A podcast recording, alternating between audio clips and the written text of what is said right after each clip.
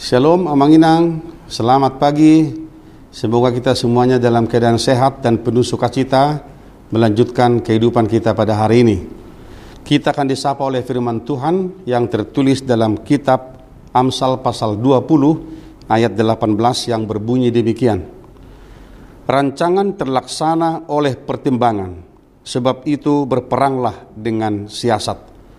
Marsi hohot doa kasakap binahen ni tup-tupan, jala mardongan pertugion napatas ulahon hamusuon.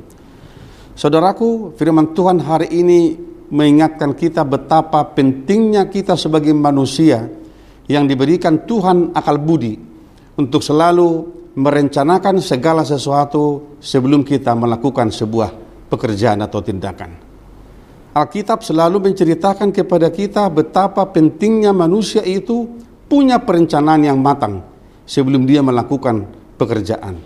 Dalam Lukas pasal 14, Amanginang boleh baca bagaimana Yesus membuat sebuah perumpamaan betapa pentingnya orang merencanakan sesuatu sebelum dia membangun satu rumah.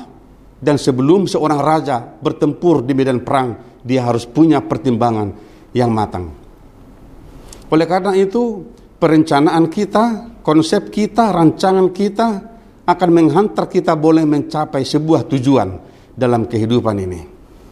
Bapak Ibu jemaat dikasihi Tuhan, dalam kehidupan kita memang tidak selalu apa yang kita pikirkan itu, apa yang kita rancang itu akan terjadi sesuai dengan pikiran kita. Sebab pikiran Tuhan bukanlah pikiran kita. Rancangan Tuhan jauh daripada rancangan kita. Tetapi Tuhan mau supaya setiap orang dalam kehidupannya harus mempunyai perencanaan dan pertimbangan yang matang.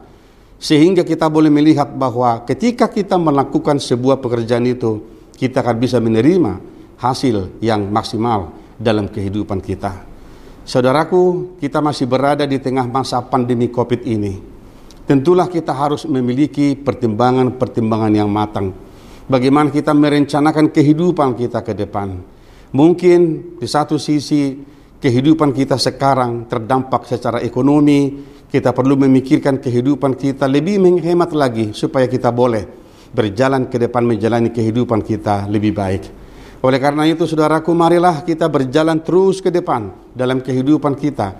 Dalam rancangan Tuhan tentunya kita tidak lupa mempergunakan akal budi kita dengan baik sehingga kita boleh meraih impian, cita-cita kita di masa depan dengan baik.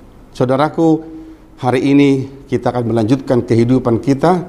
Mari terus berdoa kepada Tuhan supaya kita diberikan Tuhan kekuatan menjalani masa pandemi COVID ini. Dan Tuhan memberikan kita kekuatan, kesabaran, dan berkatnya. Jangan lupa kita memakai masker, mencuci tangan, dan selalu menjauh kerumunan supaya kita boleh sehat di tengah masa pandemi COVID ini. Amin, kita berdoa. Bapa di sorga, mampukan kami merencanakan segala sesuatu dalam kehidupan ini dengan baik, supaya kami boleh mencapai, memperoleh apa yang kami inginkan dalam kehidupan ini sesuai dengan rencana Tuhan. Biarlah kami tetap berjalan dalam rencana Tuhan, sebab kami tahu bahwa hidup bersama Tuhan akan mencapai kebahagiaan. Kami berdoa di dalam nama Tuhan Yesus Kristus Tuhan kami. Amin.